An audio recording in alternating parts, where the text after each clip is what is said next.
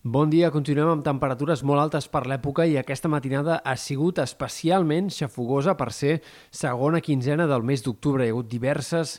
nits tropicals, diversos observatoris que han tingut una mínima per sobre dels 20 graus i la mitjana de les temperatures mínimes a Catalunya s'ha situat al voltant dels 15 graus, un valor que en els últims anys, en la, les últims 13 anys de dades, caldria situar de mitjana al voltant de l'1 de setembre i que si agafem dades més endarrere, en un context no tan avançat de canvi climàtic, fàcilment serien, per tant, temperatures normals del mes d'agost, com a mínim de la segona quinzena del mes d'agost. Per tant, nit de temperatures molt altes per l'època a la que hem tingut en aquesta jornada de dilluns, en aquesta matinada de dilluns. Avui esperem un dia mig ennubulat, variable, amb la possibilitat d'alguns ruixats aïllats, puntuals, que sobretot haurien d'afectar punts del vessant sud del Pirineu, sectors del Pallars o de la Ribagorça, però que podrien arribar a deixar alguna gota també cap a punts de l'Empordà o sectors de les Terres de l'Ebre. En tot cas, tot plegat fenòmens molt puntuals i molt aïllats. Això sí, però, un dia més variable i més mig ennubulat que no pas als anteriors.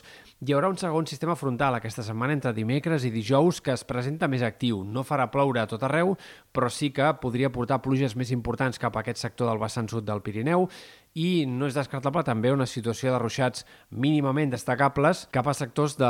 la Catalunya central o punts fins i tot de Ponent. A la resta, molt menys probable que arribi a ploure o si en tot cas ho fa, eh, doncs seria probablement quatre gotes i poca cosa més. I per tant, de moment, aquesta setmana no hi ha en perspectiva tampoc cap situació de pluges eh, destacables que pugui ser mínimament extensa i tampoc a hores d'ara els models a llarg termini de cara a la setmana vinent són gaire optimistes. Per tant, el més probable és que arribem al mes de novembre sense cap situació de pluges destacables. S'ha estroncat una mica la precipitació després d'un mes d'agost i un setembre i una primera part fins i tot d'octubre en la qual més o menys havíem anat tenint, si més no tongades de ruixats, més o menys successives encara que no fos una ploguda general. Ara s'ha estroncat la precipitació i sembla que com a mínim fins al mes de novembre no tindrem cap situació de pluges o de nevades ja més destacables. Pel que fa a les temperatures, a curt termini seguirà fent molta calor. Esperem que aquest dimarts i dimecres les temperatures puguin tocar sostre, de fet, al migdia, amb valors per sobre dels 30 graus